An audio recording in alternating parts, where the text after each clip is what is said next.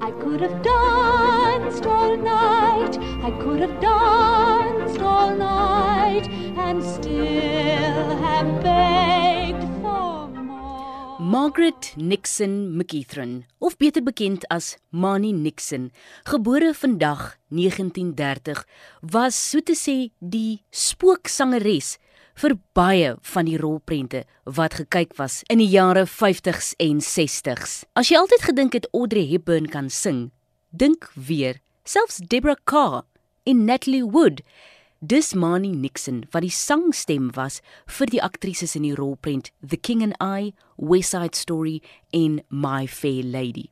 Sy vertel hoe sy in die bedryf beland het en dat sy nie regtig gedink het dat hierdie as 'n werk beskou kon word nie. I went to the union when I was uh, hired to do this and said, "Is this really right?" And they said, "Well, if you sign the contract, it is. It's uh, it's proper and it's legal." And I was warned, of course, that if anybody ever found out that I did any part of Deborah Carr's singing, that I would be ostracized. I would be. They would see to it that I wouldn't work in town again. That was in the days that uh, I was doing a lot of chorus work. I was a classical singer and doing a lot of concerts. But the and and the the chorus work and dubbing was just a way to to make a living, just to just for my coachings. I didn't think of it as a career at all. Om alles te lys wat hierdie vrou al gedoen het, is gans en al te lank en ons gaan vir ewig hier sit. Maar sy het selfs al so ver gegaan as om slegs die hoë note vir Marilyn Monroe te sing in liedjies soos Diamonds Are a Girl's Best Friend wat jy hoor in die rolprent Gentlemen Prefer Blondes van 1953. Nou omdat dit so groot geheim moes bly, het party joernaliste dit wel geweet, maar kon glad nie daaroor skryf nie en soos Mani self sê, sy moes self teken daarvoor dat sy geen woord sou rep nie. Sometimes they knew, sometimes they didn't. The rain in Spain stays mainly in the plains. By George, he's got it. By George, he's got it. Now, once again, where does it rain? On the plain, on the plain. And where's that soggy plain? In Spain, in Spain. As jy nie geweet het nie, sal jy nooit weer My Fair Lady dieselfde manier kan kyk nie. I took great pride in having nobody notice that there was any difference in uh, in the accent, in the speech pattern, and the sound, the timbre of their voice. I tried to color my voice so that it became them. I feel pretty, oh so pretty. I feel pretty and witty and gay, and I pity any girl who's in me today. You see, on film, people don't necessarily film the same way that they appear on stage, and they don't necessarily uh, create the same effect, or they don't film well. And yet, when they're on stage, you don't. It doesn't matter. Right. Tonight, tonight, it all began tonight. I saw you, and the world went away. Kyk, ons almal kan ook nou nie altyd ewe talentvol wees nie. Dankie Mani Nixon vir die stem wat jy gevoeg het tot baie van die rolprente wat ons terdee geniet het.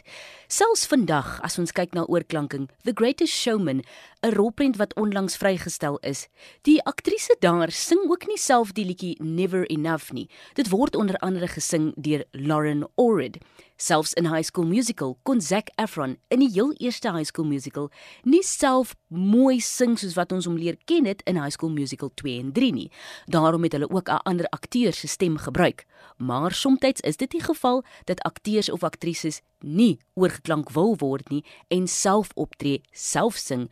Dit was wel die geval met die 1964 rolprent My Fair Lady waar Audrey Hepburn self wou sing.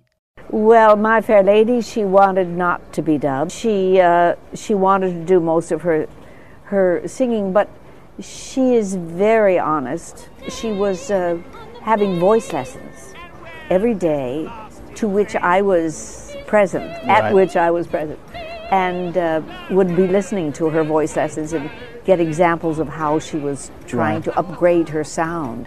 And then when she thought she was ready, she would go back to the studio and re record some things that she hadn't recorded correctly, she thought. to keep giving them instances. Do you think this is right? Can I do it this way? And, this, and then finally, in the end, in the in My Fair Lady, she filmed. It was all decided. Most of it was decided before the filming, except for "Wouldn't It Be Lovely." They filmed that to her own track. Really? But then afterwards, they told her that, that they were going to throw that out and that I was going to overdub it. All I want is a room somewhere far away from the cold night air with one enormous chair.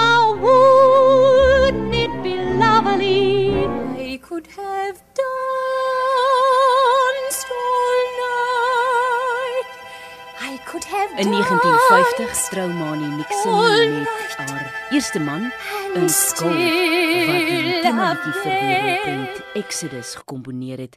Hulle het drie kinders gehad insluitende die sanger en liedjie-skrywer Andrew Gold. Hulle is wel geskei in 1969.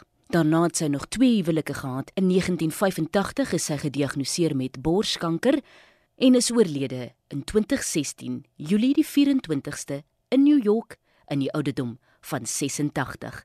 En al het sy baie rolprentwerk gedoen, was sy nog steeds lief vir die teater. I love doing live theater. I only know when he began to dance with me, I could have danced